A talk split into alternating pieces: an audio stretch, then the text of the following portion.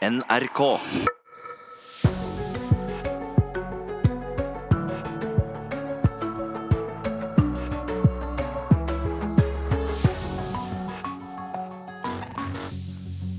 God morgen. Desember nærmer seg. Og nordmenn ønsker seg en julefeiring uten gaver. Det viser en ny undersøkelse vi skal høre om. Men likevel kjøper vi flere og dyrere gaver. Et lite paradoks der, altså. I Ukraina er det unntakstilstand fra og med i dag. Vi skal snakke mer om den spente situasjonen mellom Russland og Ukraina. Og du skal få høre mer om forsvarsminister Frank Bakke-Jensen, som synes pressen graver for mye.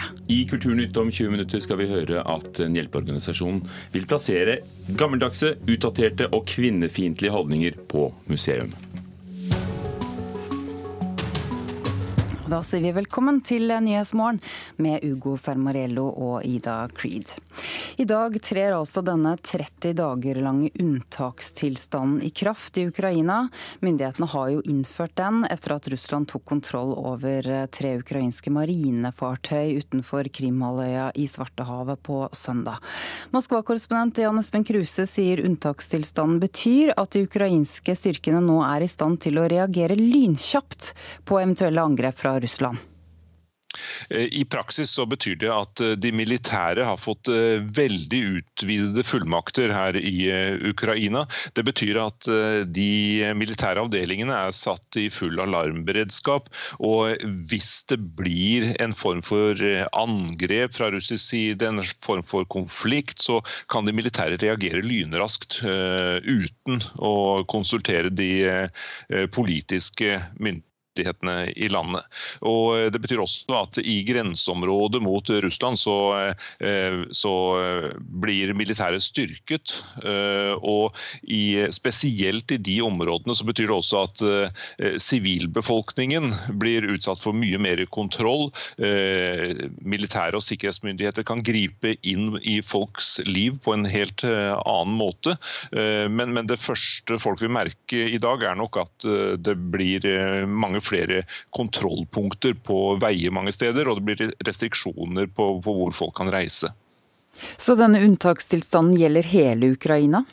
Nei, den gjelder ikke hele Ukraina. Den gjelder i ti regioner av 27 regioner. Så det er først og fremst eh, de regionene som ligger østover i landet eh, som, som, eh, som dette gjelder i. Den russiske sikkerhetstjenesten har vist noen videoer av eh, noen av de ukrainske soldatene som ble tatt til fange på søndag.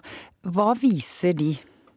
Ja, de viser eh, tre ukrainske militære som forteller litt forskjellige ting. Eh, de, den ene forteller at eh, de skjønte at de var med på en provokasjon overfor russiske grensevakter.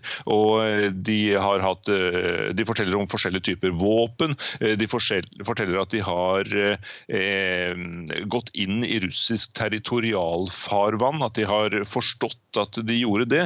Eh, reaksjonen fra Ukraina ukrainsk side, fra eh, ledelsen i Forsvaret, er at eh, disse soldatene helt åpenbart er satt under kraftig press og er eh, på en sett og vis blitt tvunget til å komme med falske forklaringer. Det er den, den ukrainske varianten av det som skjer nå. Det er naturligvis, det pågår en, en veldig intens kamp en slags propagandakamp rundt disse militære. De har fått to måneders varetektsfengsling, de fleste av dem. De resterende av de 23 eller 24 får det sannsynligvis i dag. De risikerer inntil seks år i, i fengsel. og Denne saken kommer til å bli voldsomt dominerende her i Ukraina. Veldig masse følelser blir satt i sving rundt deres militære, som de mener nå blir rett og slett behandlet som kriminelle. USAs president Donald Trump truer nå med å avlyse det planlagte møtet med sin russiske kollega Vladimir Putin pga. nettopp denne økende konflikten med Ukraina. Hvilke konsekvenser kan det få? Ja, Det er jo ganske alvorlig. for at uh, i, i, Paris nylig var jo begge presidenter til stede. Uh, Putin ville gjerne møtt Trump da, uh, men det virket ikke som amerikanerne var interessert i et møte på det tidspunkt. Hvis det neste møtet nå i helgen under G20-møtet i Argentina også går i vasken, så er jo det Det, det viser jo ytterligere alvoret i den situasjonen og hvilke store følger denne konflikten mellom Russland og Ukraina får. For, det er helt åpenbart at Trump og Putin de har mildt sagt veldig mye å snakke om. Situasjonen mellom USA og Russland er, er svært spent. Spesielt gjelder det jo disse avtalene om atomvåpen, som nå står i fare for å ryke. Det sa Moskva-korrespondent Jan Espen Kruse.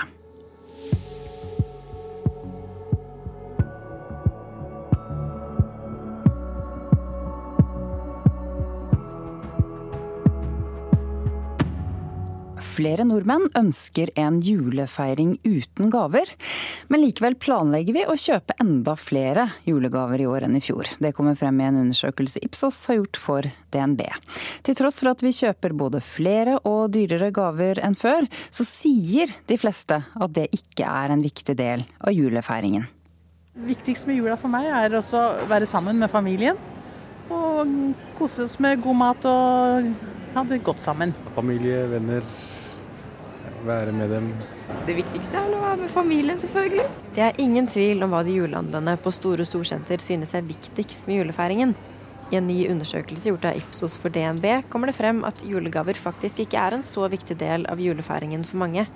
Hele 44% av de spurte sier faktisk at de gjerne kunne tenke seg en jul helt uten gaver. Er julegave viktig for deg? Ikke så viktig, da, men eh, det er bare for å skape en god stemning. da ikke så viktig. Vi prøver å kutte den igjen nå, faktisk. Til tross for at mange er positive til en gavefri julefeiring, er det lite som tyder på at antallet julegaver synker. Før kjøpte nordmenn i gjennomsnitt 10-12 julegaver hver, men skal vi tro tallene fra DNB, vil vi i år kjøpe i gjennomsnitt 13 julegaver hver. Vi bruker også mer penger i desember i år enn vi har gjort tidligere. Tall fra Virke viser at nordmenn bruker i gjennomsnitt 11 040 kroner i desember. Silje Sandmæl er forbrukerøkonom i DNB. Ja, Det er jo et eh, paradoks at det er eh, langt flere nå som ønsker seg en gavefri jul. Samtidig så ser vi at folk skal kjøpe flere, og ikke minst dyrere julegaver. Så det henger jo ikke helt eh, på greip. Hun reagerer på at så mange ønsker en gavefri jul, samtidig som vi kjøper flere og dyrere julegaver. Eh, med en god norsk eh, økonomi så er det sånn at veldig mange kjøper seg de tingene når de trenger det. De har ikke den tålmodigheten til å vente til verken jul eller bursdag. Så da har vi det vi trenger, og når folk eh, spør hva vi ønsker oss til jul, så vet vi ikke. Og da er det sånn at mange kjøper bare for å kjøpe, og det blir jo bortkasta penger til slutt. Det er 14% som er usikre på om de vil ha en gavefri jul eller ikke. Samuel tror at flere kanskje ønsker å trappe ned på antall gaver, men ikke ønsker å kutte ut julegaver helt. Til dem har hun et tips. Hvis man ønsker å kjøpe færre julegaver, så er det klart at man kan avtale med de rundt og si at i år så kjøper vi ikke julegaver. Og så er det også mange familier som har innført noe som heter Secret Santa, hvor man trekker familie, et familiemedlem, og så skal man da bare kjøpe én julegave.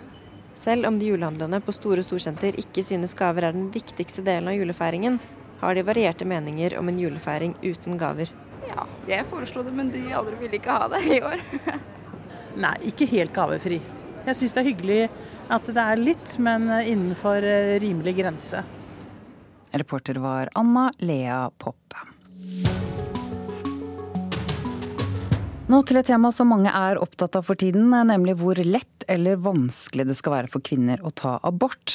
Nå viser det seg at mange kvinner som bor i distriktene får mye lengre reisevei når de i fremtiden skal få vurdert ønske om abort etter etter tolvte svangerskapsuke.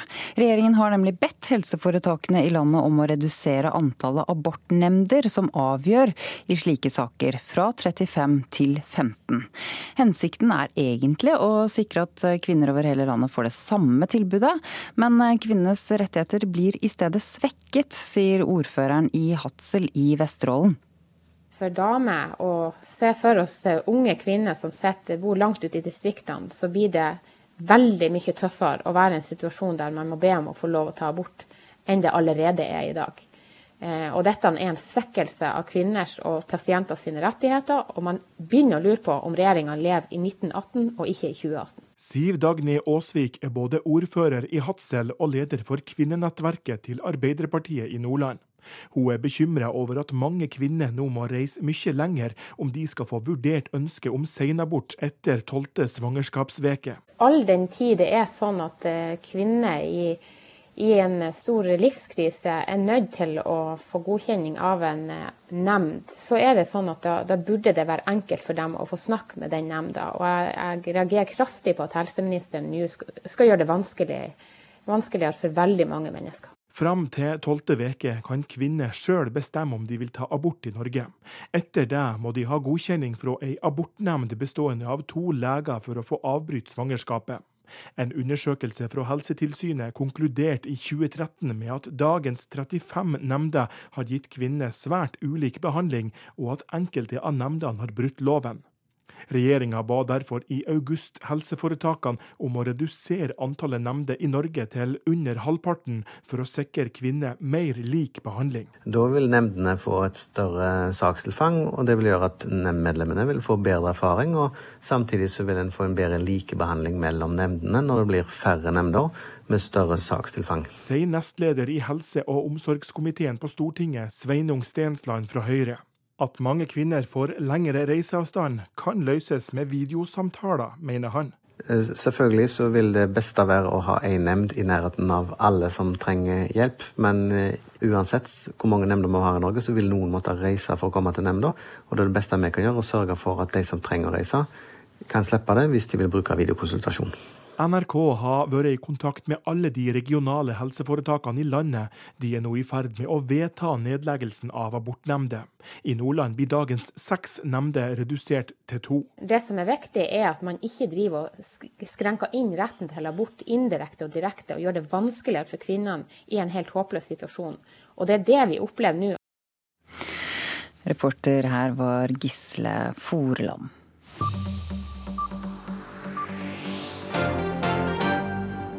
Har skjedd mens de fleste i Norge har sovet.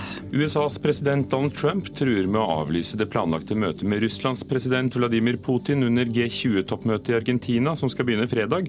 Til Washington Post uh, gjør han dette, etter at uh, Russland sist helg tok kontroll over tre ukrainske marinefartøy utenfor Krimhalvøya i Svartehavet, og arresterte 24 ukrainske soldater.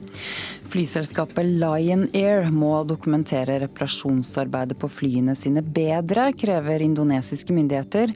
Den foreløpige rapporten er klar etter flystyrten i Indonesia i oktober, og data fra flyet viser at flygerne kjempet for å holde kontroll på flyet, nesten helt fra det lettet til det styrtet. Det skriver avisen New York Times, som har fått tilgang til denne rapporten. Funnene blir offisielt lagt frem i dag, så dette får vi helt sikkert eh, vite mer om eh, etter hvert. Men det som allerede er klart, er at et nytt sikkerhetssystem som Boeing hadde installert på flyet, skapte problemer eh, da det fikk feil informasjon om flyets hastighet. Systemet skulle hindre at nesen på flyet havnet for høyt. Minst 22 mennesker har mistet livet i en eksplosjon i nærheten av en kjemisk fabrikk i Hebei-provinsen nord i Kina i natt. Dette er 45 minutter unna der eh, det skal arrangeres ski- og snøbrettkonkurranser under OL i 2022. Og dette får du vite mer om hvis du følger med på NRK Nyheter utover dagen. Den amerikanske sentralbanksjefen Jerome Powell skal fortelle hvordan det står til i økonomien over dammen. Radioprogrammet Politisk kvarter, som kommer her i Nyhetsmorgen klokken 7.45, fyller 50 år. Statsminister Erna Solberg skal være med i jubileumssendingen, som vi kan høre direkte i P2 klokken 20 i kveld. Men eh, før kveldens eh, jubileumssending eh, så er det Politisk kvarter som vanlig om en time, Trond Lydersen. Ja, og da skal det være litt mer nedrig, for det skal handle om Venstres begredelige måling, 2,8 Hvor ble det av velgerne, og hvordan skal Venstre-leder Trine Skei Grande finne dem og vinne dem tilbake? Og er resepten da å kreve at regjeringens politikk den skal flyttes enda mer mot sentrum når de kanskje nå får med Kristelig Folkeparti på laget over nyttår. Og Så kommer jubileumssendingen som du nevnte etterpå, og ikke bare på P2. Man kan følge streamen fra kvart over sju, og så ti på halv ti så går den i gang på NRK2. Er dette da eh, på morgenen, eller er det for det er også en feiring i kveld, er det ikke det? Jo, det er i kveld. Ja, det er i kveld, ja. God sending, eh, Trond Lidersen.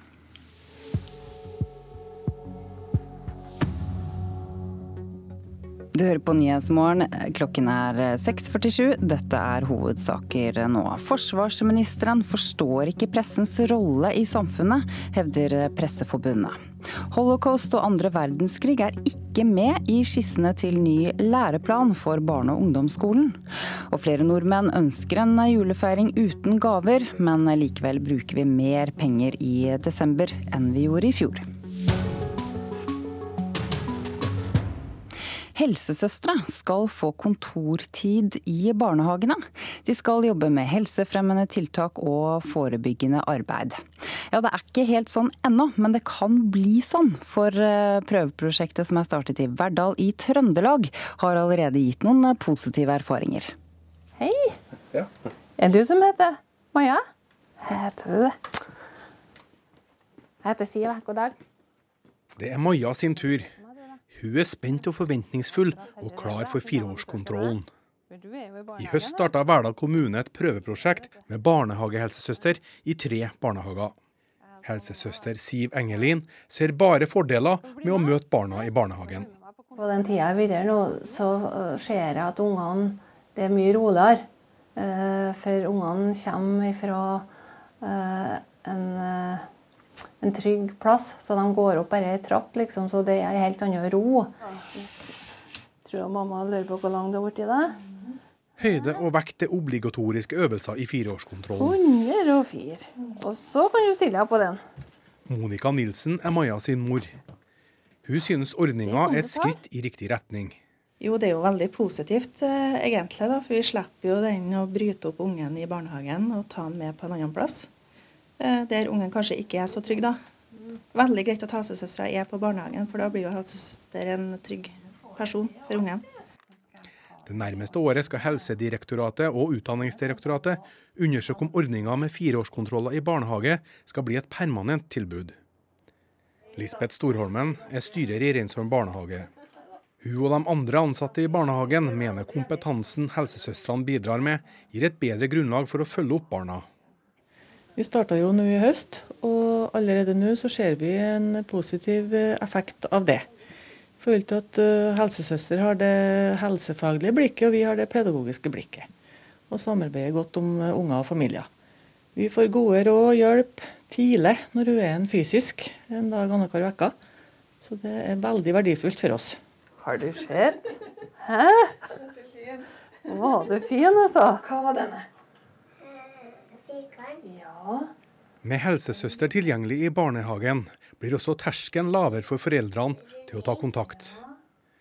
Helsesøster Siv Engelin mener dette gir barna et bedre helsetilbud. Selv om vi skal ha den fireårskontrollen, som er liksom den formelle, så, så, er vi jo her for alle ungene og alle foreldrene fra de starter til de slutter i barnehagen. Monica Nilsen mener tilbudet bør bli en permanent ordning. Ja, det er helt klart. Det sier jo veldig mye det at det er mye billigere å forebygge enn å reparere. Og hvis forebygginga starter allerede i barnehage, så tror jeg vi kan få veldig trygge unger til slutt. Ser det. Fått premie, du, vet du. Aha. Det ble en eh, velfortjent premie til slutt. Reporter Morten Andersen. Vi skal tilbake til 50-tallet vi vi nå i Kulturnytt, Ugo Fermerello. For hør på disse utsagnene. Kvinner kan ikke lukeparkere. Kvinner regner seg best på kontoret når de skjenker kaffe, og damer er ikke morsomme. Det må jo være 50-tallet. Ja, det er det. Jeg vet ikke om det er så mange som tør å si sånt noe høyt lenger. Jeg visste ikke at folk tenkte det engang, men det er i hvert fall sånn at uh, ifølge veldedighetsorganisasjonen CARE er dette holdninger som fortsatt lever. Og som CARE håper snart skal dø ut. og Derfor har de satt i gang en storstilt kampanje for å fremme likestilling og stille sånne holdninger ut på museum. Damer tjener nok mye mindre enn menn fordi de ikke står på like hardt. Damer de kan ikke lukeparkere, de kan ikke kjøre bil. Jenter er pingler. Du er jente og ikke vil bli voldtatt på nachspiel. Ikke dra på nachspiel, da. Det høres kanskje litt vel provoserende ut, men kampanjen til veldedighetsorganisasjonen CARE, som du hørte her, tar et realt oppgjør med nettopp disse holdningene. Kampanjen handler om eh, holdninger og ting som blir sagt om eh, jenter som eh, er med på å begrense jenters eh, frihet. men også mm, er med på å sette oss i bås. Dette sier generalsekretær i CARE, Gry Larsen. Gjennom kampanjen har folk kunnet bruke hashtaggen 'forhistoriske holdninger' med holdninger som er basert på kjønn, som de mener hører fortiden til. Dette har skapt stort engasjement, og snart har 200 000 sett videoen til kampanjen. Alle damer er jo liksom helt sånn Nei, ikke ta på meg, det er min kropp, og det er ikke grafs. Du har ikke noen rettighet til å ta på meg, liksom. Og så blir de tatt på, så går du hjem, og de går jo og skryter av til venninnen sin, liksom. Komiker Odd Magnus Williamson er en av dem som har engasjert seg i kampanjen. Han mener at gutter og menn har et særlig ansvar når det kommer til bekjempelse av kjønnsdiskriminerende holdninger. Det er viktig å si fra når kjipe holdninger dukker opp, enten om det er i guttegarderoben eller på fest, sier Williamson. Han legger vekt på at dette kan være vanskelig, men han tror kanskje at han har løsningen. Hei asshole, eller hei rasshøl, er jo alltid en uh, måte å starte en setning på som absolutt ikke kan misforstås. Men uh, jeg tror det er i hvert fall 100% klart og tydelig at budskapet ditt kommer til å komme fram. Nå skal en jury bli enige om den mest forhistoriske holdningen som har dukket opp under kampanjen, og stille den ut på Kulturhuset i Oslo. Altså ikke, altså den altså, bare prioritert noen andre, noen andre føringer her også. På en kafé i Oslo sitter journalist i Agenda Magasin Madeleine Schultz. Hun diskuterer forslagene til de forhistoriske holdningene med Gry Larsen. Schultz sitter i juryen og engasjerer seg fordi hun mener språk er helt essensielt for å endre holdninger. Eh, gjøre folk bevisst på eh, ting de kanskje bare sier på automatikk, da tror jeg kan være med å endre holdninger på en helt annen måte enn det, enn det man gjør ved f.eks. å endre lover. Og en holdningsendring må til, mener også Odd Magnus Williamson. Da det vil være en investering i fremtiden. Alle gutter blir fedre en dag, og halvparten av de fedrene får eh, døtre. Og da skal døtrene deres gjennomgå veldig mye av de det samme tingene som som de kanskje er vitne til nå, da. Dette høres ut som et helt jeg, jeg, jeg, sier dette ordet med skam i ansiktet, men, og jeg må nesten si det med sørlandsdialekt for at man skal skjønne både humoren og alvoret i det. Men en holdningsinvestering! Det der, det der er holdningsinvestering for, eh, for dine, dine barn og barnebarn. Reporter var Kaja Maria Andreassen. Det er den tiden på året da teatrene lanserer eh, programmet for neste vår. Den Norske Scene i Bergen eh, viser frem sitt eh, program klokken tolv i dag. Og Det Norske Teatret lanserte sin vårmeny i går. Og der skal en populær bok bli et teaterstykke? Reporter Vegard Kjørom. Ja, det er boka 'Tante Ulrikkes vei' av Seshan Shakar som nå skal bli et teaterstykke. Boka handler om oppveksten hans i Groruddalen i utkanten av Oslo, der han vokste opp med to innvandrerforeldre. og en, eh, Boka har gitt mange et innblikk i hvordan det livet kan være. Eh, og det har vært en bestselger i eh, norske bokbutikker. Nå skal den altså omsettes til nynorsk og framføres på Det Norske Teatret. Og Shakar sier til Dagsavisen i dag at han både tror og håper at mange vil ta turen fra Groruddalen og ned til Oslo sentrum for å se stykket. Og Det Norske Teatret har også satt opp et stykke som fikk stor oppmerksomhet internasjonalt. da Det gikk ikke minst i New York og så i London om Oslo-avtalen. Ja, eh, det, det er kjent fra før at Det Norske Teatret skal eh, vise dette stykket, eh, som heter Oslo. Og som gir et innblikk i dramaet som utspant seg da Oslo-avtalen kom til. Dette var en avtale mellom Israel og Palestina som mange nordmenn var involvert i å forhandle fram, og som òg har vært ganske mislykka. Og ellers så blir det òg en musikal til våren i Det Norske Teatret. Den heter 'Lasarus' og er en hyllest til David eh, Bowie. Eh, og så blir det nye sjanser for å få med seg Book of Mormons for de som ikke har fått med seg noen av de 200 framsyningene som har vært til nå. Så vil den gå fram til Sankt Hans i sommer. Og Når det gjelder Oslo, blir det jo gøy å se hvordan et norsk teater får til skråblikket på Norge med vaffelsteking og, og Terje Rød Larsen og, eh, og de forskjellige norske rollefigurene. I Frankrike pågår det en debatt. Landets tidligere kolonier krever nå kunsten sin tilbake. Hva handler det om? Mm. Ja, Det er flere afrikanske land som nå vil ha kunsten sin tilbake, som du sier. Og Det skjer etter at Frankrikes president Emmanuel Macron eh, selv har tatt initiativ til at dette skal jobbes videre med. Det skal være 90 000 afrikanske kunstartikler i Frankrike i dag, og mye av dette ble frakta dit under kolonitida, som jo varte fram til 1960. Det vestafrikanske landet Benin har nå blitt enige om å få returnert 26 kunstartikler, og i går kom Senegal på banen eh, og sa at de ønsker all kunst som stammer fra Senegal, tilbake eh, til Senegal, der de har fått bygd et museum med kinesisk hjelp i hovedstaden, og der vil de stille ut sin egen kunst. og det, ja, det er mange afrikanske land som lenge har vært tydelige på dette, og det er mye av kunsten som fremdeles er å finne i de gamle kolonilandene. og Det, det blir sett på som en gufs fra fortida, det at eh, kunsten havner i Europa når den egentlig hører hjemme i Afrika. Men det er jo en debatt, og flere museumsfolk har tatt til motmelde. En debatt vi kjenner også fra British Museum, ikke minst The Elgin Marble, som Hellas gjerne vil ha tilbake?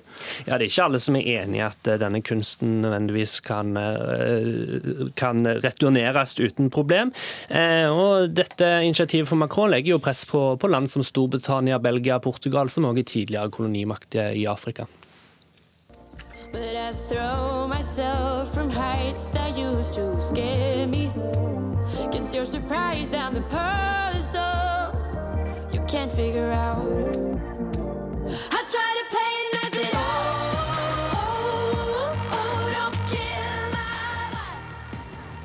Ja, her hører vi Sigrid som synger 'Don't Kill My Wife'. Og i går så fikk hun pris for denne her eh, sangen her. Det er en komponistpris som Tono deler ut til eh, folk som lager musikk av høy kvalitet. Eh, hun vant den prisen i hop med fire andre. Det var felespilleren Ola Kvernberg, hiphoperen Ivan Ave, visepopartisten Marte Wang og samtidsmusikeren Jonas Skårud, som i går fikk 50 000 kroner og en anerkjennelse for sin, sine, sin musikk. Edvard-prisen, altså oppkalt selvfølgelig etter Edvard Grieg. Vegard Kjørom, kulturreporter i dag her i Nyhetsmorgen. Takk skal du ha. Dette er altså Nyhetsmorgen. Ja, aller først Dagsnytt.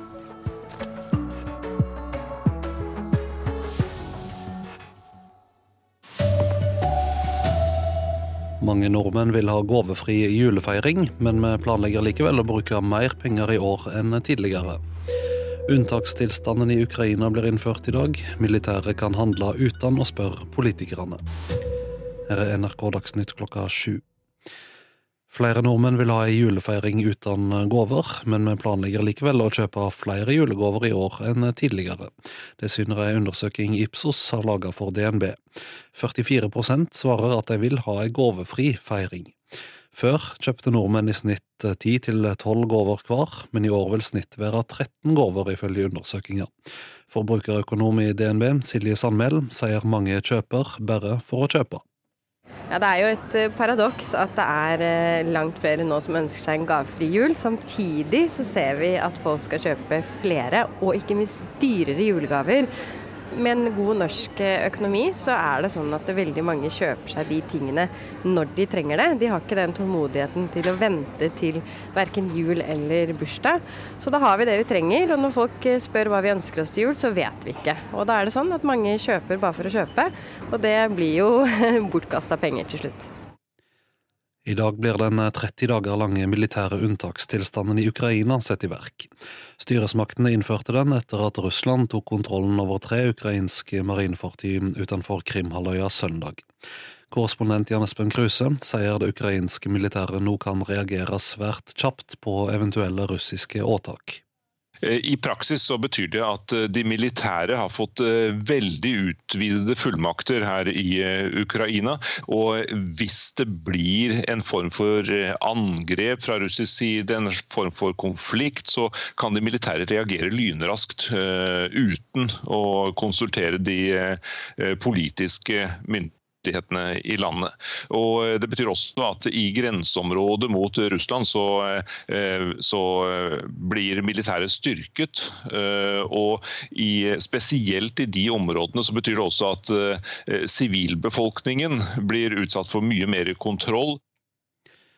Ungdomspartiet til Kristelig Folkeparti vil at KrF skal få utenriksministeren, kunnskapsministeren og barne- og familie- og likestillingsministeren dersom KrF går inn i regjering. I dag er det statsråder fra Høyre som har alle de tre postene.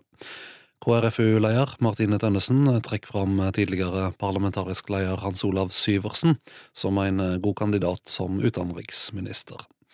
Høyre svarer at eh, det fremdeles er altfor tidlig å tenke på hva statsrådsposter KrF eventuelt skal få. Du kan lese mer om saka på nrk.no.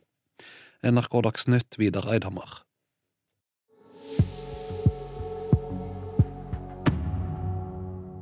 Hvis du fulgte med på nyhetsbildet i går kveld, fikk du eh, kanskje med deg forsvarsministerens eh, utspill om at norske journalister graver for mye.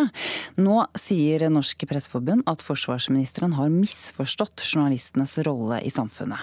Frank Bakke-Jensen sa f.eks. at journalister som jobber med fregattulykken utenfor Bergen, bør sitte stille og vente til Havarikommisjonen har konkludert, før de undersøker saken selv. Generalsekretær i Norsk Presseforbund, Ellen Elin Floberghagen sier hun er sjokkert. Jeg tror jeg vil gå så langt som å si at Bakke-Jensen viser en manglende forståelse for journalistikkens eh, rolle.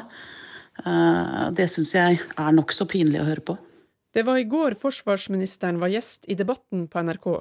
Der fikk han spørsmål nettopp om hvordan pressen bør forholde seg i saken om fregatten Helge Ingstad.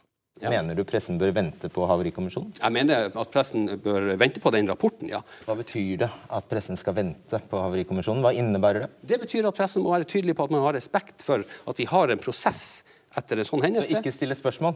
Betyr jo, det det? Du kan stille mange spørsmål. Men, Skal vi få svar? Ja, men, men pressen er jo nødt til å, å, eh, respektere at her er forskjellige roller. Havarikommisjonen har sin rolle, ja, ja. politiet har sin rolle, en statsråd har sin rolle. Hva eh, forsvarsministeren selv mener han kan svare på, det, jo, det må nesten han vurdere.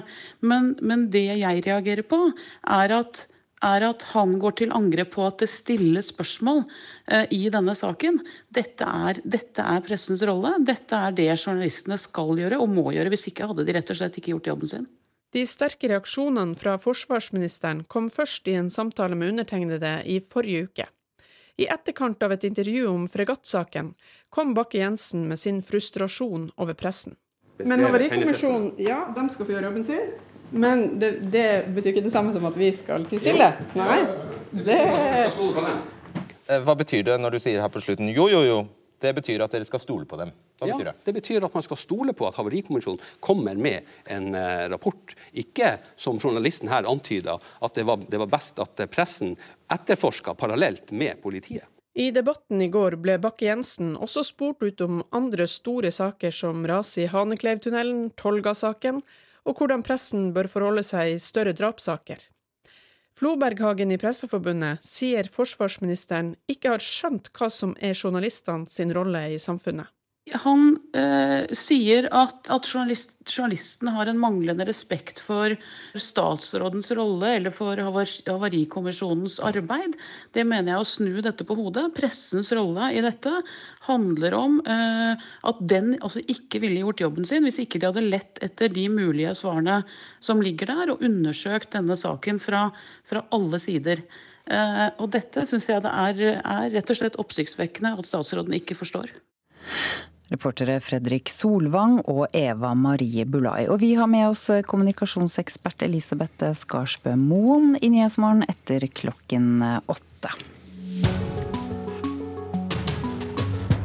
Verken holocaust, altså jødeutryddelsen, eller andre verdenskrig er nevnt i planene til ny læreplan til barne- og ungdomsskolen. Det skriver avisen Klassekampen eh, i dag. Reporter Kristine Hirsti, du har eh, satt deg inn i denne saken. Hva er egentlig bakgrunnen for endringen i læreplanen? Ja, Læreplanen for eh, barne- og ungdomsskolen er under en slags eh, oppussing, kan man si. Eh, og meningen er at planene skal gjøres mer relevante for fremtiden, og at innholdet skal endres. Så det blir en nedskjæring av mye av det som det blir i dag undervist om. Rett og slett for at elevene skal få gått mer i dybden da, i ulike fag. Så nå er skissene til den nye læreplanen klar, men i eh, kunnskapsmålene så har man eh, ikke nevnt helt sentrale historiske hendelser, slik som eh, andre verdenskrig og holocaust, altså nazistenes folkemord på jødene før og under andre verdenskrig. Det møter naturlig nok kritikk. Ja, det her har jo vært ute på høring, og det har kommet inn nærmere 7000 innspill. Eh, for eksempel så er jo da samisk historie nevnt som et eh, kunnskapsmål, som eh, også er en viktig del av historien, selvfølgelig. Men det er for mange vanskelig å forstå da, hvorfor enkelte viktige hendelser er nevnt, men da ikke andre verdenskrig og jødeforfølgelsen. Eh, så i dag er eh, forstander i Det mosaiske trossamfunn, Ervin Kohn, fremme i Klassekampen og kritiserer de nye planene. Mm. Han mener at vi må undervise hver eneste generasjon om det som skjedde, eh, nemlig at man laget et verdensbilde hvor jøder ikke har noen plass, og hvor over seks millioner jøder ble drept. Mm. Men det at uh, dette ikke er nevnt i læreplanen, betyr det at det ikke er meningen å undervise om det? Nei, det har nok aldri vært planen. Det ville jo vært helt utenkelig å ikke ha med sentrale historiske hendelser i lærebøkene. Men det som står i læreplanen legger jo grunnlaget da, for hvor mye plass fagene og emnene vil gis i undervisningen. Så det er jo dette kritikerne frykter. At historiefag, historiefaget i seg selv og viktige historiske hendelser ikke vil få nok plass i undervisningen. Så svarer jo Utdanningsdirektoratet at eh, det vil komme endringer i læreplanen etter de mange innspillene de har fått. Eh, de vil heller ikke være med på at historiefaget sjaltes ut av læreplanen, og sier at i mars så vil det endelige utkastet til ny læreplan ligge klar, og så skal det ut på høring. Så med andre ord så er ingenting spikret i forslaget til ny læreplan. Mm. Takk, reporter Kristine Hirste, og du kan altså lese mer om dette i Klassekampen i dag. Storbritannias statsminister Theresa May eh, kommer til å møte sterk motstand også i dag, når hun kommer til Skottland. Hun skal forsøke å overbevise folk der om brexit-avtalen, som jo ble undertegnet i Brussel på søndag. Avtalen vil gjøre Skottland fattigere og ødelegge landet i generasjoner fremover, sier Skottlands førsteminister. Skottlands førsteminister er ikke nådig i sin kritikk av statsminister Theresa May, som kommer til Skottland i dag for å forsøke å overbevise skottene om hennes brexit-avtale. Førsteminister Nicola Sturgeon sier regjeringen i London ikke har vist annet enn forakt for Skottland under de to årene som har gått med forhandlinger. Ingen skotsk minister med hjertet på rette stedet kan akseptere den avtalen, sier Sturgeon. Dette er en dårlig avtale som den britiske regjeringen forsøker å tre ned over hodene på det skotske folk og hele Storbritannia, selv om den vil være til skade for økonomien i generasjoner framover, sier Sturgeon. På en pressekonferanse i går la hun fram tall som viser at Skottland vil være tilsvarende 99 milliarder kroner fattigere i 2030 som følge av at de er ute av EU.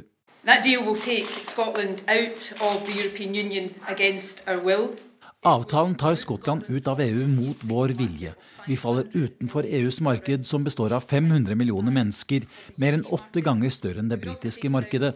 Og vi mister fordelen av å handle med 40 land som EU har handelsavtaler med, sier Sturgeon. This deal will make Scotland and indeed the whole of the United Kingdom poorer. Statsminister Theresa May får med andre ord en tøff oppgave med å overbevise skottene. I går var hun i Nord-Irland for å forsøke å overbevise dem om avtalen om skilsmisseregningen, overgangsfasen fram til 2020 og at Storbritannia må være en del av EUs tollunion dersom de ikke klarer å få til en avtale som sikrer en sømløs handel over grensen mellom Nord-Irland og Irland. Would it not be better to spend time now actually trying to get a better deal, trying to get a deal that we can all sign up to, uh, instead of wasting time going around the country for two, two weeks? Dette er bortkastet tid med tanke på at hun ikke får avtalen gjennom i parlamentet. Burde hun ikke heller brukt tiden på å finne alternativer, sier leder Arlene Foster i Det demokratiske unionistpartiet i Nord-Irland. Statsminister May innrømmer derimot at avtalen ikke er perfekt, men I think what is important when MPs come to vote is that they think about the national interest, det som er viktig når parlamentsmedlemmene skal stemme, er at de tenker på nasjonens interesser, og på en måte som sikrer folks sikkerhet, arbeidsplasser og økonomi, sier May.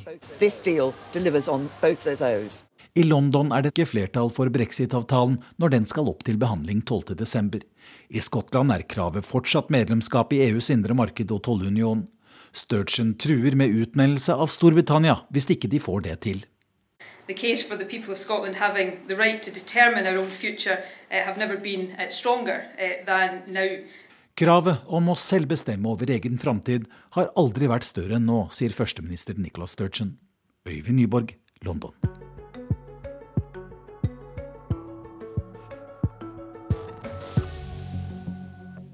Du har kanskje hørt det før i Politisk kvarter. Jeg garanterer at vi aldri kan sitte i regjering med Frp. Vi kan ikke bidra til at de blir danna. Jeg har hele tiden regnet at, eh, at jeg kan dagdrømme om å bli statsminister. Gratulerer med 65-årsdagen, statsminister Trygve Bratteli. Jeg takke for det. Politisk kvarter fyller 50. Det jeg registrerer at Hareide og mange andre politikere bruker tida si på, det er å gå og sleike disse her opp etter ryggen. Jubileumssending i P2 onsdag klokken 20. Det overrasker meg nok at hun velger den tonen. Og Jubileumssendingen kan høres i NRK P2 klokken 20 i kveld, og sees på NRK2 klokken 21.20.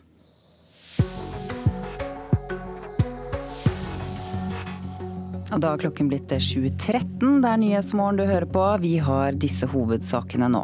Mange nordmenn vil ha gavefri julefeiring, men vi planlegger likevel å kjøpe flere gaver i år enn i fjor. Og unntakstilstanden i Ukraina blir innført i dag. Det betyr at militæret kan handle uten å spørre politikerne. Truls Gulovsen gir seg som leder i Greenpeace Norge ved årsskiftet. Etter 19 år må Greenpeace Norge finne en ny leder, mens du, Truls Gulovsen, skal ut og søke jobb. Velkommen til Nyhetsmorgen. Takk skal du ha. Hvorfor slutter du nå? Nei, altså, som du sa, 19 år er lenge. Eh, på samme sted og med samme ting og i samme runde. Eh, det er jo nesten lenger enn livstid. Så på et eller annet tidspunkt så, så må jo jeg også finne på noe annet. Og det, det, kjennes bra at det er nå. Bare 25 år gammel begynte du som klimafaglig rådgiver. Det var i 1999. Da var du den eneste Greenpeace-ansatte her i Norge. Og allerede i juli samme år var du med i Dagsnytt 18. Vi skal høre litt om hva du sa om CO2-utslipp den gangen. Ja, Ifølge Worldwatch så skyldes nedgangen særlig energieffektiviseringstiltak i eh, India og Kina, og også, eh, også fortsatt energieffektivisering i Øst-Europa. Særlig hvor det er hvor kull er erstatta med renere energikilder. Og produksjonen er også effektivisert. og Det har vært en trend som vi har sett eh, kanskje de siste ti årene. Ja, Det gjorde noen grimaser. Hvordan var det å høre dette klippet? Nei, Det er jo alltid rart å høre seg selv, men det var kanskje enda rarere å høre 20 år gammelt klipp. Husker du det? Den saken der, den husker jeg ikke. Nei. Men det var vel også sånn den gangen at det var ganske viktig å forsøke å vise at det går an å redde planeten. Og det tror jeg fortsatt det gjør, selv om vi vinner slag, men er i ferd med å tape krigen. Hvordan var det egentlig å jobbe alene på Greenpeace-kontoret i Norge så ung? Nei, altså jeg, jeg, fikk en fantastisk mulighet da jeg var akkurat ferdig med å studere, til å måte, jobbe med klima hos Greenpeace eh, i ett år. Og det var veldig rart med et helt tomt kontor. Det hadde jeg ikke helt forstått at det dreide seg om. Men jeg hadde veldig god støtte fra resten av miljøbevegelsen og ungdomspartibevegelsen i Oslo. Og det, det, det gjorde hele greia veldig spennende. Hva var den største utfordringen? Jeg visste jo ikke hvordan altså det systemet fungerte eh, internt. Eh, det å jobbe med miljøvern det var kjempemotiverende. Eh, men, men, hvordan Greenpeace-systemet fungerte, det var helt uh, nytt og ukjent for meg. Jeg hadde ingen til å forklare meg det. Så jeg starta med fem uker på kontoret i Stockholm for å bli litt kjent. og Det var, det var fint. Og så fikk jeg nøkkel til et tomt kontor i Oslo. og det det, etter hvert så gikk det bedre og bedre, syns jeg. Hva er det aller viktigste Greenpeace har fått til med deg som leder? Jeg er jo veldig stolt av veldig mange ting. Jeg syns vi er blitt en, en, en, troverdig og respektert aktør, som vi ikke akkurat var den gangen. Da visste jeg Greenpeace var god på klima, men ikke så mye annet. Og så er jeg veldig stolt av at vi nå sammen med, med store deler av miljøbevegelsen har lansert et klimasøksmål eh, som skal fortsette i retten. Som virkelig samler trådene med at mange flere er med i saken. Vi, vi, vi, hovedfokuset er, er, som da jeg begynte den gangen, at verden har funnet mer olje, kull og gass enn vi kan forbrenne. Det kan ikke være greit å fortsette å ta opp mer, fortsette å lete etter mer, når vi vet at vi har funnet for mye, og hvis vi skal ta vare på klimaet.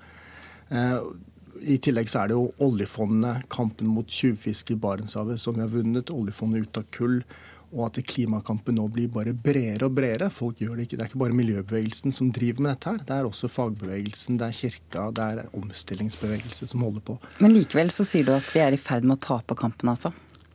Ja, Det går forferdelig fort. Altså Utslippsveksten eh, fortsetter over hele verden. Forbruket eksploderer. Og, og, og det er ikke bare klimakampen, det er også kampen for å bevare biologisk mangfold.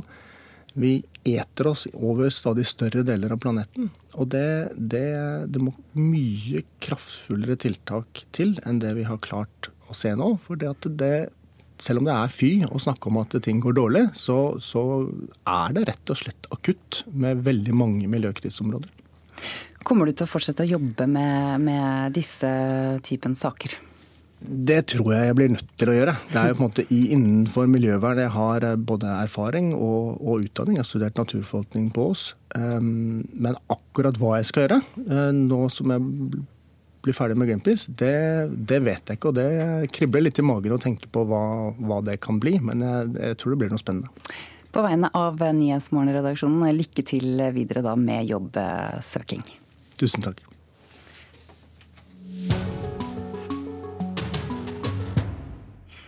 Som du ganske sikkert har fått med deg, Magnus Carlsen og Fabiano Caruana står helt likt etter tolv partier i VM-kampen i sjakk. Nå må det omspill og nye former for sjakk til for å kåre en vinner. Ja, det som er helt klart er at dette blir eh, ulidelig spennende og veldig god underholdning. NRKs sjakkekspert Atle Grønn er en av mange som gleder seg til omspillet i VM-kampen mellom Magnus Carlsen og Fabiano Carana. Men Grønn er også en av ikke fullt så mange som vet hvordan mesterskapet skal avgjøres. For det skal i lengste fall spilles tre forskjellige former av sjakk. Nå skal de altså først spille fire hurtigsjakkpartier, så det kommer til å gå unna. Et hurtigsjakkparti varer totalt maksimalt én time. Så etter fire urtesjakkpartier, da er klokka kanskje åtte-halv ni, og da har vi forhåpentligvis en verdensmester. Den første som får to og et halvt poeng i disse hurtigsjakkpartiene, er altså verdensmester, og det vil avgjøre da VM-kampen. Først ut er altså hurtigsjakk. Spillerne får 25 minutter hver fra start, pluss 10 sekunder per trekk over fire partier. Men hva skjer da om de fortsatt står likt? Eh, hvis hurtigsjakkpartiene ender 2-2, så fortsetter omspillet med lynsjakk. Og da spiller de to og to lynsjakkpartier. Og hvis uh, lynsjakkpartiene ender 1-1, så fortsetter de med to nye. Helt til de har spilt ti lynsjakkpartier, og da er vi over midnatt. Det kan altså bli sent. Lynsjakk er det neste steget. De får fem minutter hver og tre sekunder per trekk. I det lengste blir det ti partier der. Hvis det da står 5-5 i lynsjakk, hvilket er, det er veldig liten sjanse for det, men skulle det skje, så blir det da såkalt Armageddon, og da er forutsetningene sånn at svart blir verdensmester med remis. Så da må vi få en vinner da langt over midnatt. Armageddon. Spillerne trekker om farger, og hvit starter med fem minutter og vinner kun VM med seier. Svart starter med fire minutter, men kan vinne med remis. Men Grønn tror ikke det går så langt. Men jeg tror det blir avgjort i, i hurtigsjakken. Fire partier bør være nok til å kåre en verdensmester. Reporter Jonathan Simchai Hansen. I dag skal eh, det altså avgjøres. Eh, klarer Magnus Carlsen å holde fast på verdensmestertittelen? Eh, en av dem som kjenner Carlsen aller best, det er deg, det Simen Agdestein, tidligere trener for Magnus og stormester i sjakk. Velkommen. Takk. Hvor stor favoritt er Carlsen nå som det blir omspill? Statistisk så er han jo favoritten. Han er, har mye mer rating i disse fartsdisiplinene. Han har erfaringen, han har vunnet masse sånne matcher før. Han er sportsmannen osv. Men eh, når det kommer til stykket i et sånt oppgjør som det her, så handler det veldig mye om har Magnus sovet godt i natt. Det er veldig sånne detaljer som det. Så kommer man ikke utenom disse åpningene som Caruana er så fryktelig god på. Så Magnus må på et eller annet vis knekke dette repertoaret hans. Mm. Vi må tilbake til dette som eh, skjedde på mandag. Carlsen tilbød altså nærmest ut av det blå remis, eh, tilsynelatende for å sikre omspill og ikke ta unødvendige sjanser. Er, er, dette en stormester verdig, syns du? Altså, han fikk masse kritikk for dette her. Til og med Kasprov var kritisk og mente at nå var ikke Magnus lenger favoritt. For han begynner å lure på Han trenger psykolog, og var en som påpekte og sånt noe. Men, eh, men, sånn har eh, Magnus fått høre i hele sin karriere, egentlig, at han må gjøre det og det og det. Og så har han gjort det som har, han har passet for han.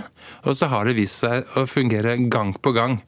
Men det er jo liksom et mirakel hver gang det skjer, så hvis vi ser det igjen, at han gjør det på sin måte og lykkes, så er det bare å puste letta ut. Men det er jo sånn han holdt på hele veien.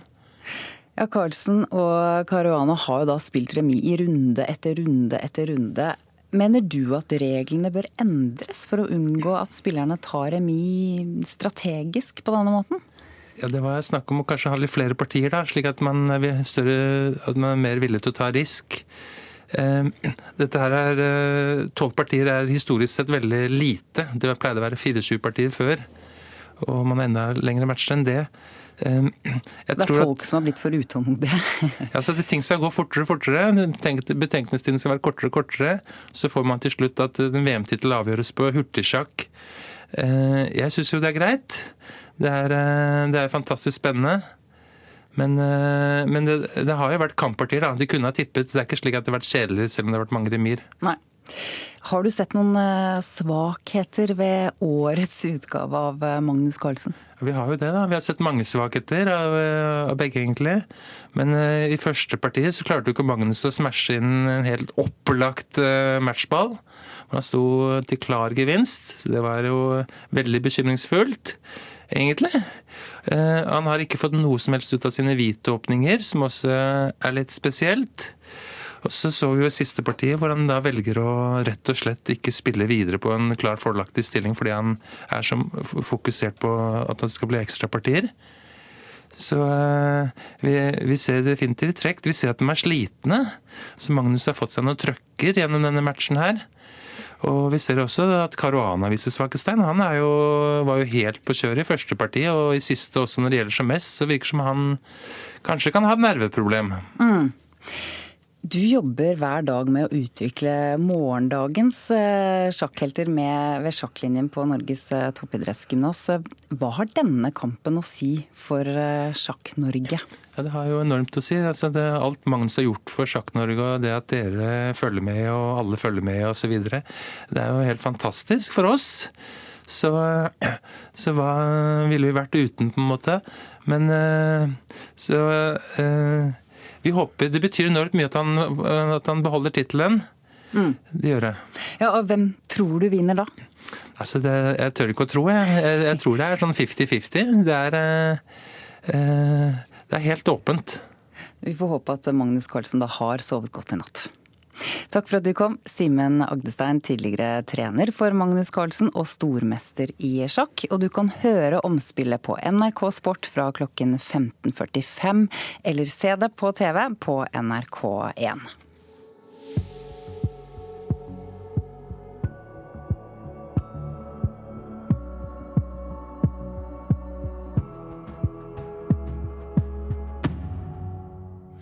Bør det på plass en panteordning også for snusbokser? Det mener Thomas Klingen, som er leder i Viken PFU. Han tror en slik ordning vil kunne gjøre at færre kaster snusbokser i naturen.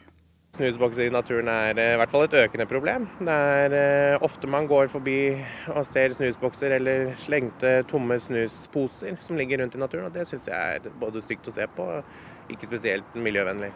Thomas Klingen, leder i FPU Viken, ønsker å få på plass ei panteordning for snusbokser.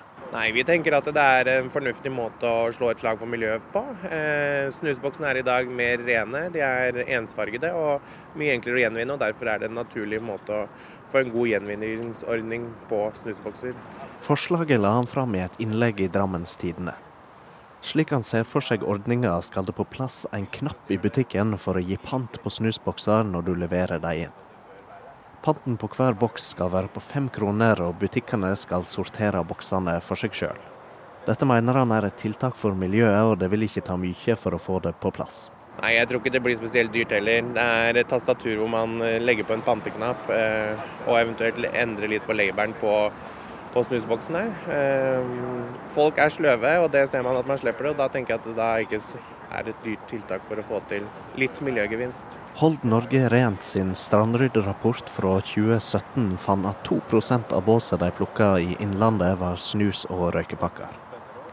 Kommunikasjonssjef i renovasjonsselskapet for Drammensregionen, Marianne Holen, er positiv til sortering av plast gjennom ei panteordning for snus. Ja, Vi er positive til alle forslag til uh, tiltak som kan uh, sørge for at uh, mindre avfall havner på avveie i naturen.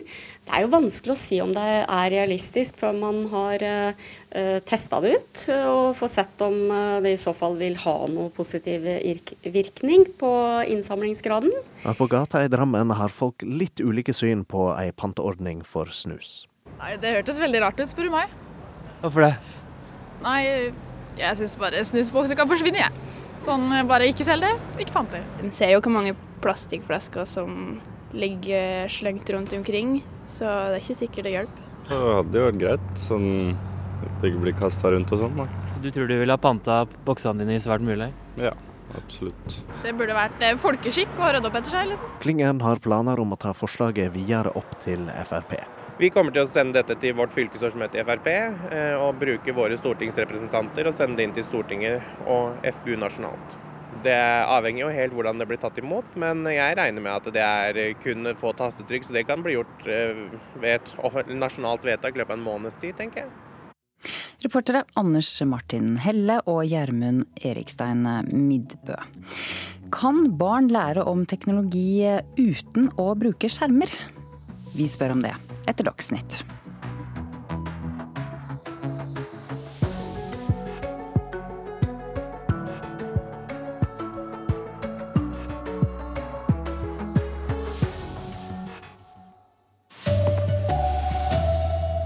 Holocaust og andre verdenskrig er ute av skissene til ny læreplan for barne- og ungdomsskolen. Forsvarsministeren skjønner ikke pressa si rolle i samfunnet, mener Norsk Presseforbund. Nordmenn eh, vil helst ikke kjøpe gaver til jul, likevel handler vi mer enn før. Her er NRK Dagsnytt klokka 7.30. Korkje holocaust, altså jødeutrydninga eller andre verdenskrig, er nevnte i skissene til ny læreplan for barne- og ungdomsskolen, det skriver Klassekampen. Reporter Kristin Hirsti, hvorfor blir læreplanen endra?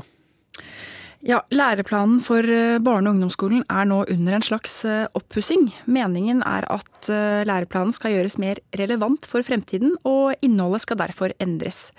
Det blir da en nedskjæring av mye av det som i dag blir undervist om, rett og slett for at elevene skal få, mer, skal få gått mer i dybden da, i ulike fag. Hva reaksjoner har kommet?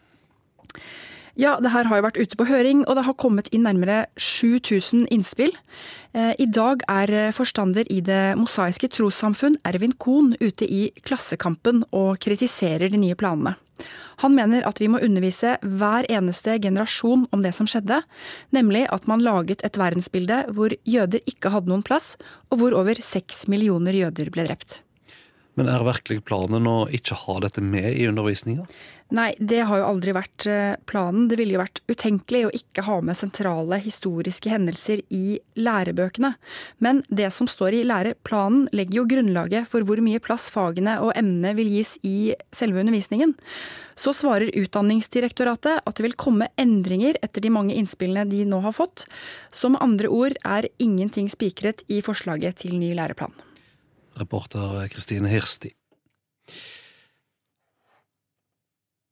Forsvarsminister Frank Bakke-Jensen skjønner ikke journalistene rolle i samfunnet, det mener Norsk Presseforbund. Bakke-Jensen mener journalister som dekker ulykker med fregatten KNM Helge Ingstad, bør vente til Havarikommisjonen har konkludert, før de begynner å undersøke saka. Generalsekretær i Presseforbundet, Elin Floberg Hagen, er sjokkert. Jeg tror jeg vil gå så langt som å si at Bakke-Jensen viser en manglende forståelse for journalistikkens eh, rolle. Eh, det syns jeg er nokså pinlig å høre på. I går var forsvarsministeren gjest i Debatten på NRK. Bakgrunnen er at han har reagert kraftig på at pressen stiller spørsmål om hva som skjedde ved fregattulykka utenfor Bergen. I går fikk han spørsmål nettopp om hvordan pressen bør forholde seg.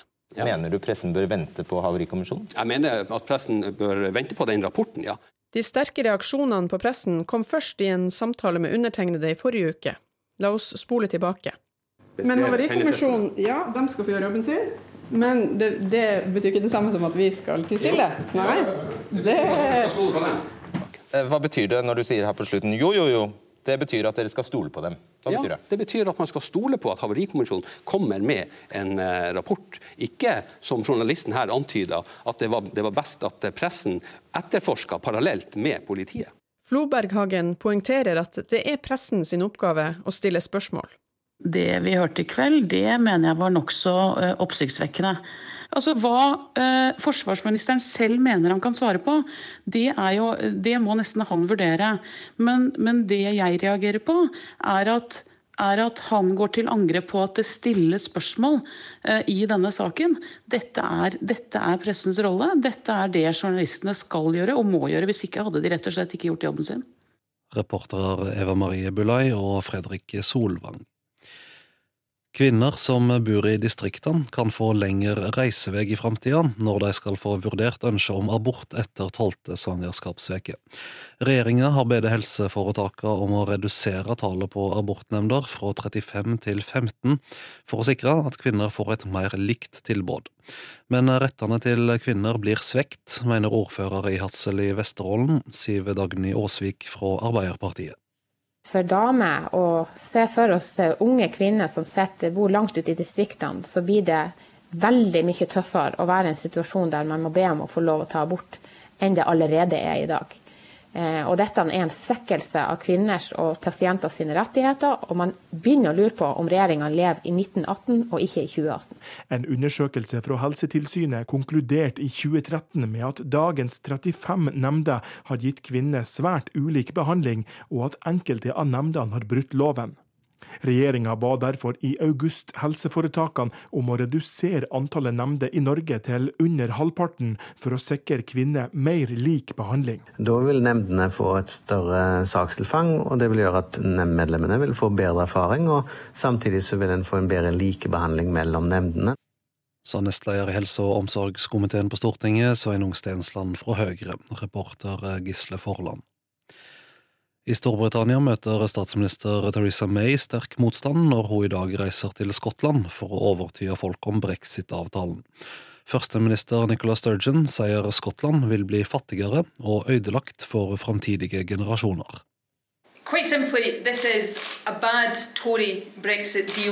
Dette er en dårlig avtale som den britiske regjeringen forsøker å tre ned over hodene på det skotske folk og hele Storbritannia, selv om den vil være til skade for økonomien i generasjoner framover, sier Sturgeon. På en pressekonferanse i går la hun fram tall som viser at Skottland vil være tilsvarende 99 milliarder kroner fattigere i 2030 som følge av at de er ute av EU.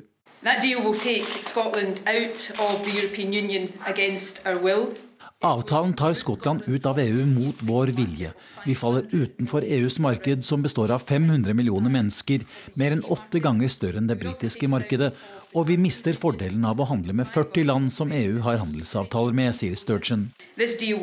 Scotland and indeed the whole of the United Kingdom poorer.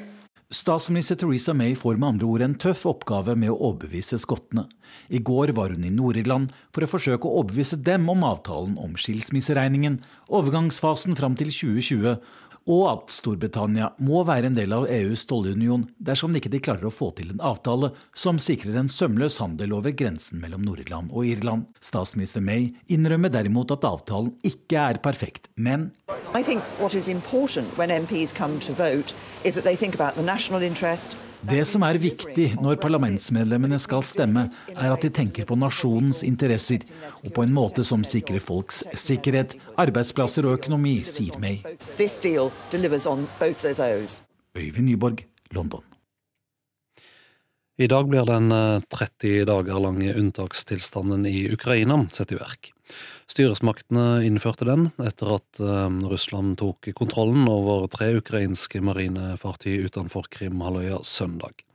Unntakstilstanden gir militære utvida fullmakter. Mellom annet kan militære gjennomføre aksjoner uten å spørre politikerne først, og sivile må regne med å bli mer kontrollerte enn tidligere. Flere nordmenn ønsker ei julefeiring uten gaver. Likevel planlegger vi å kjøpe enda flere julegaver i år enn før. Det kommer fram i ei undersøking gjort for DNB. Trass at vi kjøper flere og dyrere gaver, sier de fleste at det ikke er en viktig del av julefeiringa. Viktigst med jula for meg er også å være sammen med familien. Familie, venner. Det er ingen tvil om hva de julehandlende på store storsenter synes er viktigst med julefeiringen. I en ny undersøkelse gjort av Ipsos for DNB kommer det frem at julegaver faktisk ikke er en så viktig del av julefeiringen for mange. Hele 44% av de spurte sier faktisk at de gjerne kunne tenke seg en jul helt uten gaver. Er julegave viktig for deg? Ikke så viktig, vi prøver å kutte ned nå, faktisk. Til tross for at mange er positive til en gavefri julefeiring, er det lite som tyder på at antallet julegaver synker. Før kjøpte nordmenn i gjennomsnitt 10-12 julegaver hver, men skal vi tro tallene fra DNB, vil vi i år kjøpe i gjennomsnitt 13 julegaver hver. Silje Sandmæl er forbrukerøkonom i DNB. Ja, Det er jo et eh, paradoks at det er eh, langt flere nå som ønsker seg en gavefri jul. Samtidig så ser vi at folk skal kjøpe flere, og ikke minst dyrere julegaver. Så det henger jo ikke helt eh, på greip.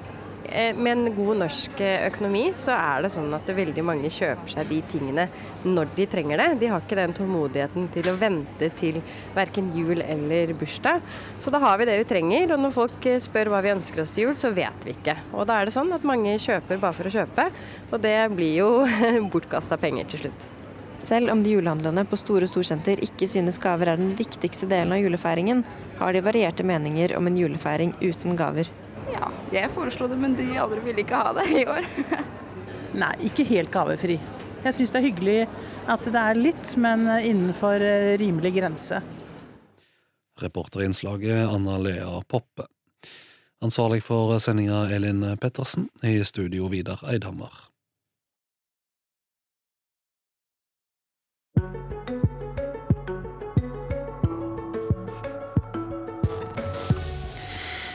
Barnehagebarn på Stord og Tysnes skal få spennende opplevelser gjennom digitale sanserom.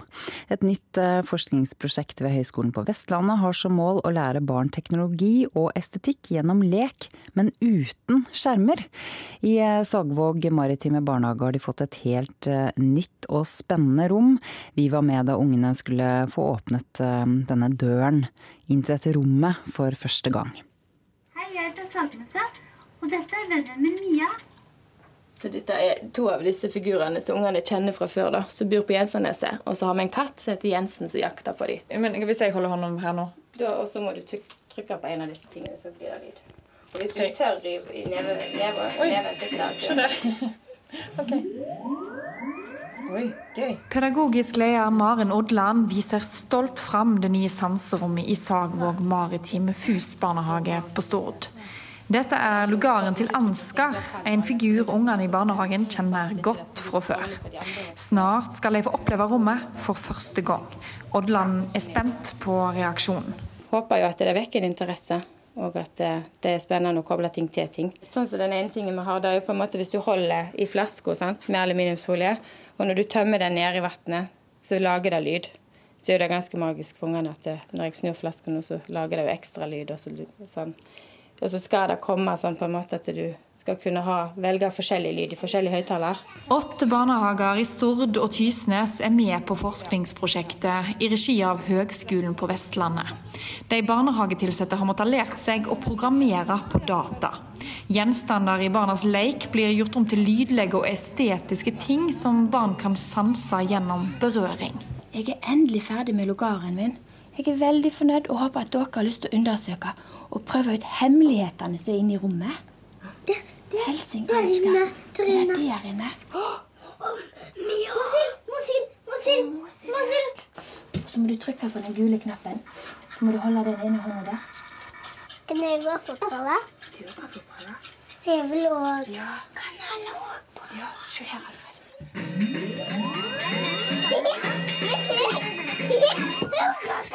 Jeg tror at det stimulerer til fantasi og til innlevelse og til fellesskap og til kontakt mellom barn, barn og voksen. Ingrid Grønsdal ved Høgskolen på Vestlandet på Stord er prosjektleder for forskninga som går over tre år. Vi skal stimulere til å heve eh, de tilsatte sin kompetanse og forskerne på høgskolen sin kompetanse om hvordan en kan bruke digital teknologi på en måte som ikke først og fremst handler om at en skal se på en skjerm. Det er ikke stillesittende. Her skal det være for kroppslige, bevege seg rundt i rommet, få ta på objekt og oppleve sammen. Så det er mange viktige kompetanser som ungene får utvikle, og opplevelser de får i barnehagen, og spenning. Og her er det forskjellige ting da som skal lage lyd. Så her må de holde liksom der og så trykke.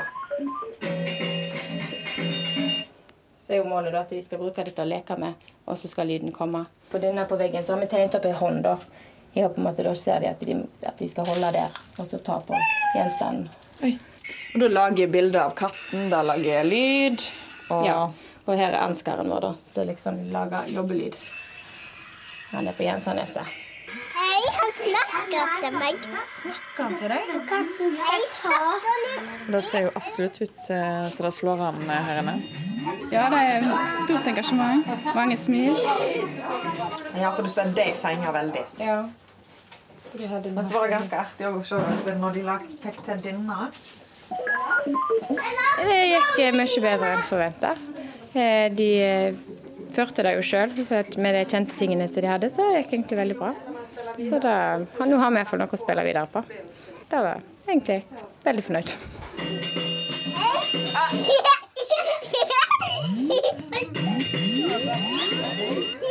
Reporter her var Marte Rommetveit. Straks er det klart for Politisk kvarter med Trond Lydersen. Vi minner om de viktigste sakene. Holocaust og andre verdenskrig er helt ute av skissene til ny læreplan for barne- og ungdomsskolen. Forsvarsministeren forstår ikke pressens rolle i samfunnet, mener Norsk Presseforbund. Og nordmenn ønsker seg gavefri jul, men likevel kjøper vi flere julegaver enn vi gjorde i fjor.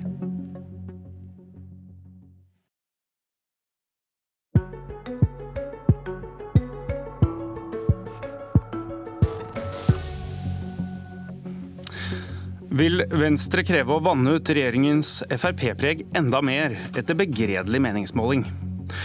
Og er det en annen dumpekandidat blant velgerne, KrF, de venter skal flytte regjeringens politikk i Venstres retning?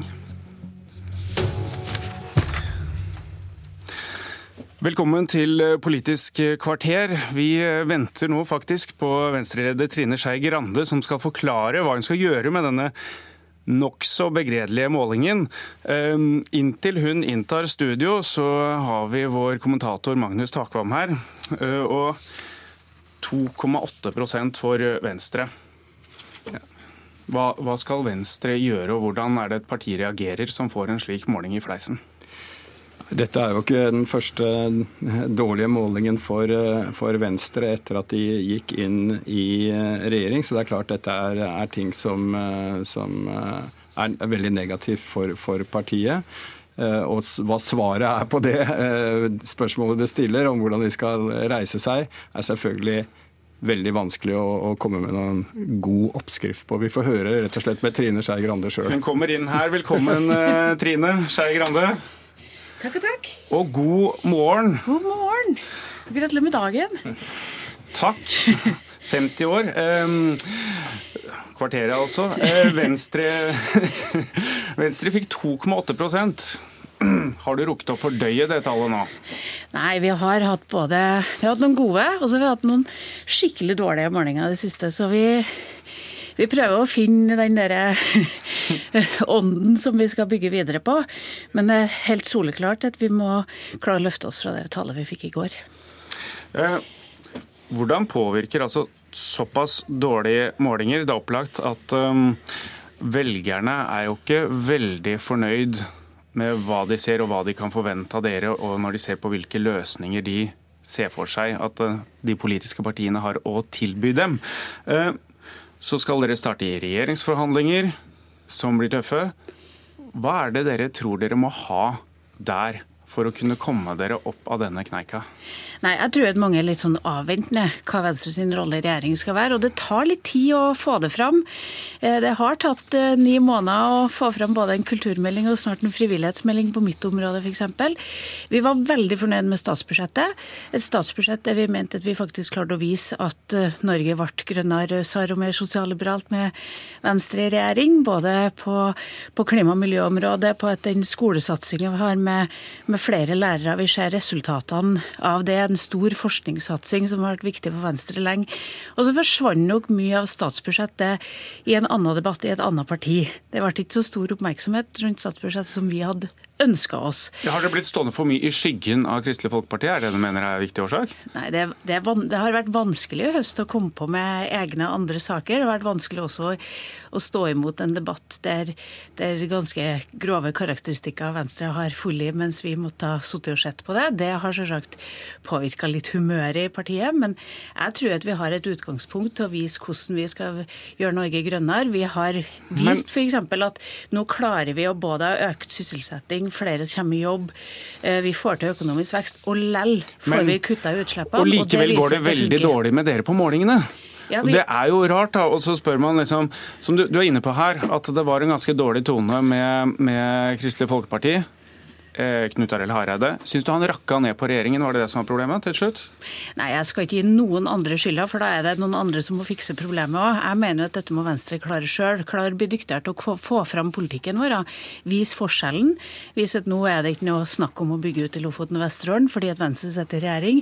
Nå må vi få gjennom gjennomslagene våre og vise at forskjellen er Venstre når vi er i regjering. Men alle de sakene som du tar fram hele tiden, du, du har jo snakket om dem lenge og mange ganger og likevel så går det som det gjør. Men hvis vi skal ta og spørre om en konkret ting som vil komme i, i plattformen. Spørsmålet KrF, flyktninger, kvoteflyktninger. Hvor skal innvandringspolitikken til denne regjeringen gå? Eh, de vil ha 1000 flere kvoteflyktninger. Støtter dere det? Ja, Venstre mener at det, og i hvert fall i en tid der det kommer så få asylsøkere til Norge, skal vi ta et ansvar for kvoteflyktninger. Så det er forutsatt av at eh, det kommer få flyktninger, slik vi skal ta vår del av, det, Vi skal ta vår del av ansvaret. Eh, internasjonalt. KrF ville ha det uansett. Ja, nå er det sånn at eh, De rød-grønne tok imot 1000 kvoteflyktninger i året. Eh, vi er nå det femte største landet i verden i faktiske tall. Så vi tar imot 3000. Jeg ser at Senterpartiet nå kjører alternative budsjetter med færre kvoteflyktninger. Eh, som noen i KrF ville gå i regjering med for å få denne regjeringa rausere. Jeg merker meg at vi har veldig store gjennomslag på dette, dette, området også, og da må vi bli bedre til å få fram de gjennomslagene. Men, men vil dere støtte 1000 flere flyktninger, kvoteflyktninger, uavhengig av om det kommer flere flere, flere asylsøkere til Norge? Nei, Eller vil dere støtte Hvis vi opplever en flyktningbølge som vi gjorde for noen år siden, så mener jeg det faktisk er feil. Så det forutsetter det? Altså, vi må ta vårt ansvar internasjonalt. Det gjør Norge. Men det betyr ikke at vi skal gjøre det altså, uansett om vi står i store flyktningepress sjøl, eller om vi er sånn som nå, vi får få asylsøkere. og Da tar vi imot flere kvoteflyktninger. Det er ikke noen tvil om at Den regjeringen du sitter i, den har et uh, fotavtrykk hvor uh, Fremskrittspartiet også profilerer seg ganske mye og, klart mer enn dere vil veldig veldig mange si. Eh, vil, vil, det være en forutsetning nå, altså når dere skal ha inn KrFO, tenker dere dere må trekke politikken mer i Venstres retning, og at FrPs fotavtrykk og bilde utad vannes ut enda mer? Nei, altså På Jeløya så klarte vi å få til en erklæring som vi var veldig fornøyd med. Jeg tror alle i Venstre føler seg veldig bekvem med den regjeringserklæringa.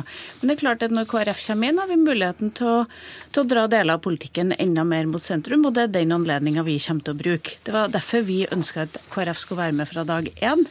Fordi at vi tror at da kunne vi presse regjeringa til å være enda mer sentrumsorientert. Så var det jo dag én, ble det jo ikke. Um, og da var det jo bl.a. en KrF-leder, han som du en gang kalte 'mannen i ditt liv', har slått med deg på SMS. Jeg er 49, så jeg syns egentlig det er litt pussig å bli slått opp på SMS. Jeg mente det var forbeholdt andre aldersgrupper, men jo, jeg Var det en søt SMS, eller var det Nei, det var Jeg har ikke lyst til å gå i hva den akkurat inneholdt, men jeg er veldig forundra over at det kom i SMS-form. Det må jeg nok innrømme. Eh, du frykter ikke at eh, nestleder Kjell Ingolf Ropstad og, og blant mange sett på som den største lederkandidaten i KrF kommer til å kunne gjøre det samme? Stoler du mer på han?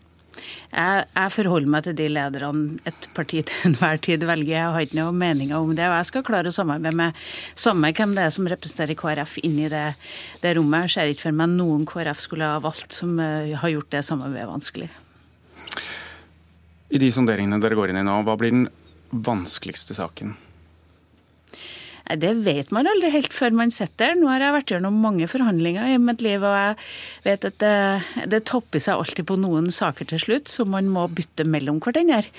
Eh, og det er alltid litt vanskelig å vite hvem de akkurat eh, skal være. Så, så, det tror jeg ingen av oss eh, tør å si akkurat nå. Og av og til så er det sånn at de debattene som ser ut som de store utad, er det veldig klart hvor man hvor man må ende hen før man egentlig begynner, for dem som sitter i rommet.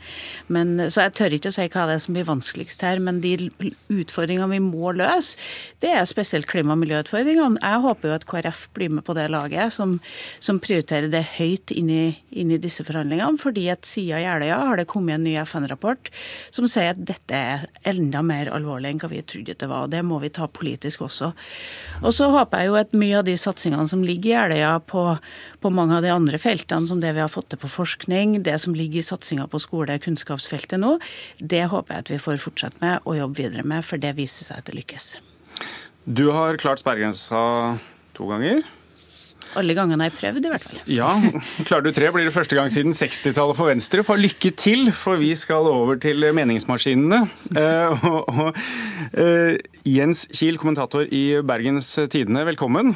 Tusen takk. Eh, du skrev i skuggen av Krossen, da Kristelig Folkeparti dominerte politiske nyhetsbildet totalt med sitt uh, veivalg, og Venstre nærmest forsvant i bakgrunnen, med sin nedtur. Uh, problemene Venstre står i nå, hvilke velgere og med hva er det de skal vinne dem tilbake? Det må de jo finne ut av sjæl, men jeg tror at det partiet må spørre seg hvem er Venstre til for?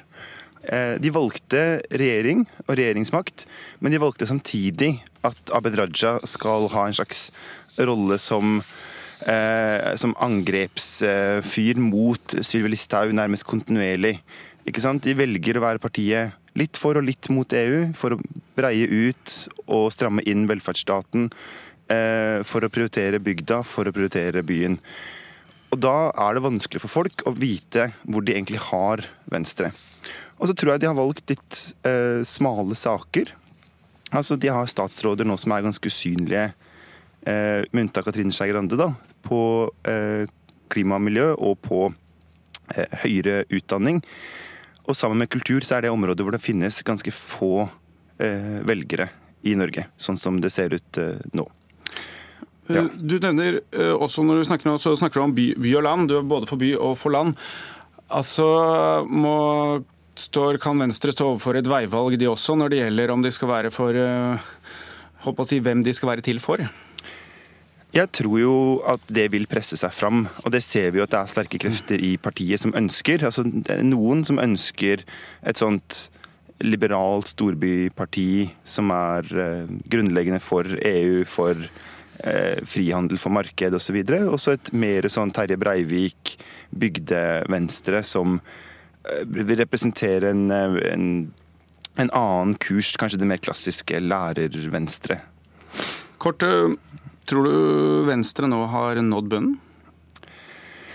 Nei, det finnes aldri noen som kan si noe om hvorvidt de har nådd bunnen eller ikke. Men det er klart at det er, litt, det er en fordel for dem hvis det roer seg litt rundt KrF, og at det igjen kan være mulig å få snakke venstrepolitikk i monitor. Sånn at jeg tror at det kan jo være på en måte førjulshåpet for eh, Venstre. Men det har altså ikke vært over snittet på målingene siden juni. Og sånn har de duppa opp og ned siden mennesket satte sin fot på månen på 60-tallet. Så det er vanskelig å vite med Venstre, altså. Det er en jobb å, jobb å gjøre, i hvert fall. Uh, Magnus Takvam, kommentator her i, i, NRK. Fire partier i regjering. Hvis det blir sånn, blir det trangt? Ja, det kan det bli. Eh, Kjell Magne Bondevik sa jo eh, i sin tid, da eh, vi hadde en periode med mange mindretallsregjeringer og Arbeiderpartiet kritiserte det, at han for sin del så veldig store fordeler i mindretallsregjeringer. Og det kan man diskutere fram og tilbake. Men det er klart at det er også en nedside ved å gå inn i en flertallsregjering for særlig selvfølgelig de små partiene, som er avhengig av å profilere seg på et par eh, enkeltsaker.